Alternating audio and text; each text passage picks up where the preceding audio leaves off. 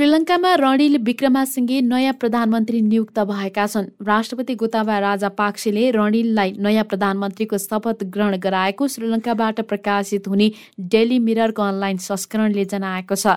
राष्ट्रपति कार्यालयमा शपथ ग्रहणसँगै उनले स्थानीय बालुकारामा मन्दिरमा गई आशीर्वाद लिएको डेली मिररले जनाएको छ। विक्रमासिंघेले यसअघि पाँच पटक श्रीलङ्काले राष्ट्रपतिको जिम्मेवारी सम्हालिसकेका छन्। यसअघि हिंसात्मक सरकार विरोधी प्रदर्शनमा गोताबायाका दाजु महिन्दा राजा पाक्सेले राजीनामा दिएका थिए। राजीनामा दिएसँगै उनी श्रीलङ्काली नौसेनाको शरणमा पुगेका थिए। मुलुकमा जारी चरम आर्थिक सङ्कट एवं अत्यावश्यक वस्तुको अभावका कारण श्रीलङ्काभर हिंसात्मक प्रदर्शन नरोकिएका बेला नयाँ प्रधानमन्त्री नियुक्त गरिएको हो। पछिल्ला केही दिन यता जारी हिंसात्मक प्रदर्शनका क्रममा हालसम्म नौजनाको मृत्यु भइसकेको छ भने अरू दुई सय भन्दा धेरै घाइते भएका छन्। बङ्गलादेश सरकारले त्यहाँका सबै सरकारी अधिकारीहरूका विदेश भ्रमणमा रोक लगाएको छ। कोभिडपछि अर्थतन्त्र निकै कठिन अवस्थामा पुगेको भन्दै विकास बजेट या अन्य कुनै बजेटबाट विदेश भ्रमण गर्न रोक लगाइएको हो।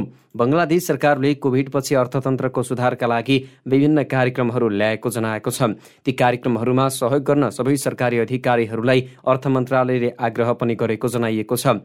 अर्थ मन्त्रालयले बिहिबार एक सूचना प्रकाशन गरेर सरकारी भ्रमणहरू सबै प्रकारका हाललाई रोकिएको जनाएको हो बङ्गलादेशको केन्द्रीय बैङ्कले विलासिताका र अत्यावश्यक बाहेकका वस्तुहरू आयातमा पनि रोक लगाएको छ केन्द्रीय बैङ्कले आर्थिक सुधार र मित व्ययिता सम्बन्धी कार्यक्रमहरू ल्याएको हो सो कार्यक्रममा सरकारी अधिकारीहरूले गर्ने विदेश भ्रमणका साथै विलासिताका सामानहरूको आयातमा रोक लगाइएको छ बङ्गलादेशको सरकारले वैदेशिक मुद्राको सञ्चित घट्दै गएको भन्दै खाद्यान्न सहितका अत्यावश्यक बाहेकका अरू सामानहरूको आयातमा रोक लगाइएको बताइएको छ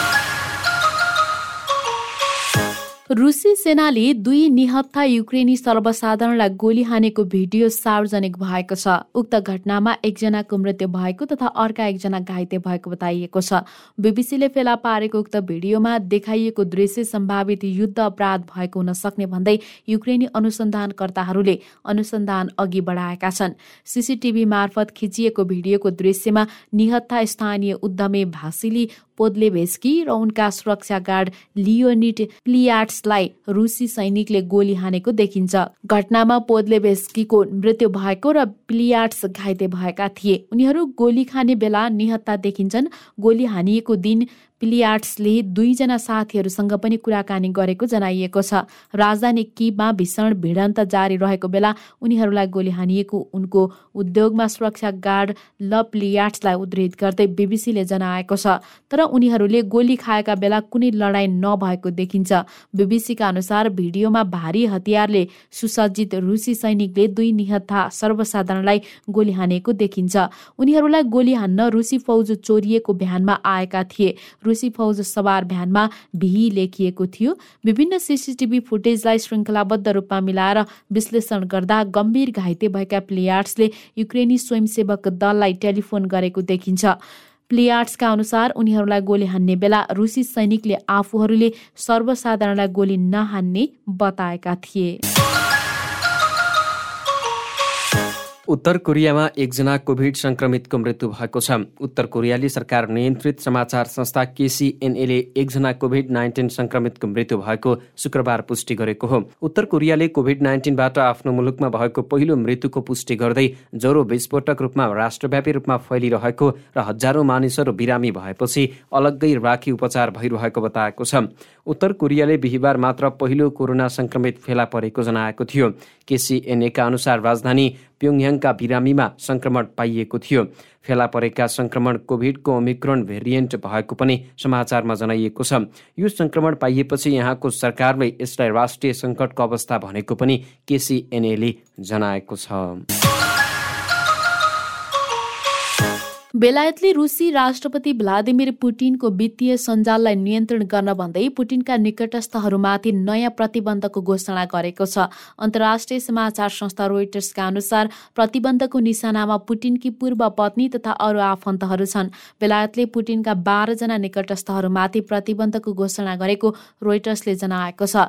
प्रतिबन्धमा पर्नेमा पुटिनकी पूर्व पत्नी लुदमिला ओचेरेत्नाया र उनका केही आफन्तहरू रहेको बताइएको बताइएको छ। प्रतिबन्धको सूचीमा रहेका मध्ये केही रुसी ग्यास कम्पनी गाज प्रोमको कार्यकारी पदमा रहेको बताइएको छ। प्रतिबन्ध अन्तर्गत उनीहरूमाथि यात्रा प्रतिबन्ध लगाइने तथा उनीहरूको सम्पत्ति रोक्का गरिने रोइटर्सले जनाएको छ। बेलायती विदेश मन्त्री लिज ट्रस्टले विज्ञप्ति जारी गरी पुटिनको आलिसान जीवनशैलीलाई उकास्ने उनको निकटस्थ वित्तीय सञ्जाललाई निशाना बनाइएको बताइन्।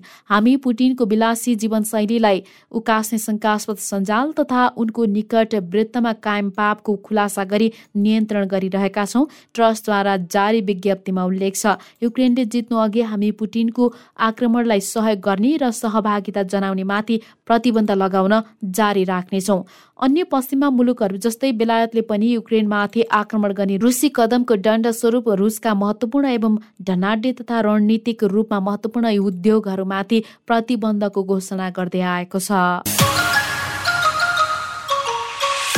टेस्ला कम्पनीका प्रमुख एलन मस्कले ट्विटर खरिद सम्झौता स्थगित गरेका छन्। मस्कले ट्विट गर्दै ट्विटर खरिद सम्झौता छोटो समयका लागि स्थगित गरिएको जनाएका हुन्। ट्विटरमा पाँच प्रतिशतभन्दा कम स्पाम तथा फेक अकाउन्टबारे विस्तृत विवरणको अपेक्षासहित ट्विटर खरिद सम्झौतालाई स्थगित गरिएको उनको भनाइ छ। फेक अकाउन्टहरूले कन्टेन्ट पोस्ट गर्ने समस्या ट्विटरले लामो समयदेखि झेल्दै आएको छ। मस्कले ट्विटरबाट फेक अकाउन्टहरूलाई हटाउनु पर्ने बताउँदै आएका छन्।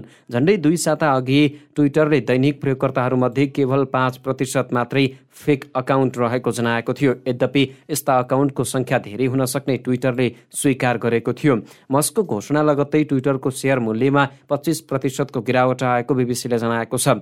मस्कले ट्विटर खरिद सम्झौता रद्द गरेको खण्डमा उनले एक अर्ब अमेरिकी डलर ट्विटरलाई तिर्नुपर्ने प्रावधान रहेको बिबिसीले जनाएको छ।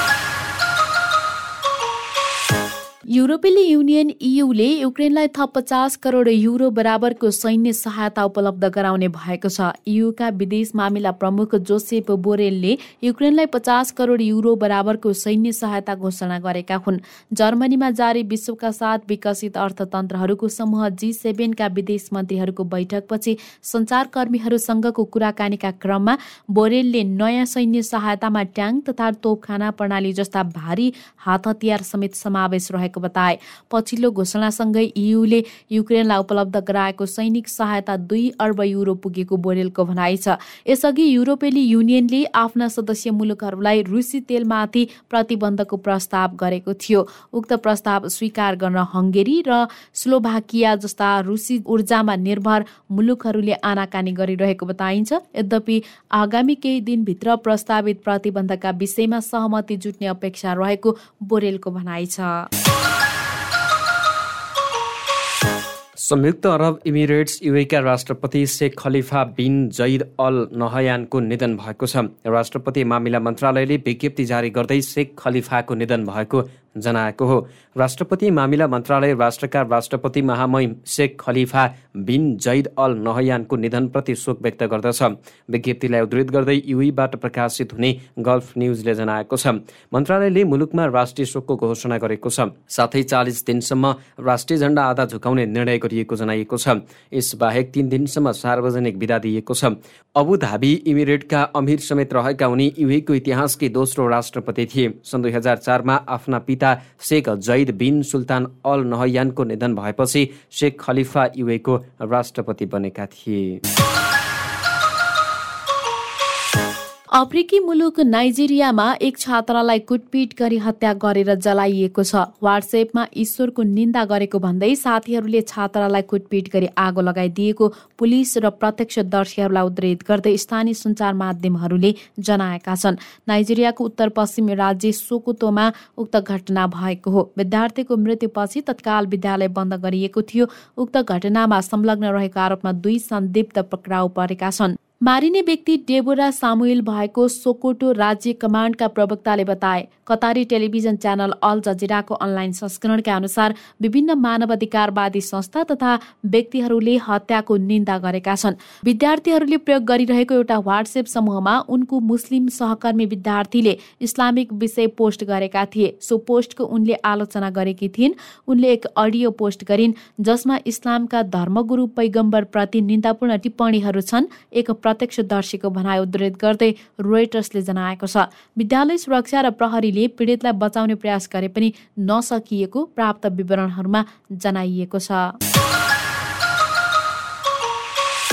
र भारतमा चौबिस घण्टाको समय अवधिमा दुई हजार आठ सय एकचालिसजना कोरोना भाइरसका थप संक्रमित फेला परेका छन्। यससँगै भारतमा कुल संक्रमितको संख्या चार करोड एकतिस लाख सोह्र हजार दुई सय चौन्न पुगेको केन्द्रीय स्वास्थ्य मन्त्रालयले जानकारी दिएको छ।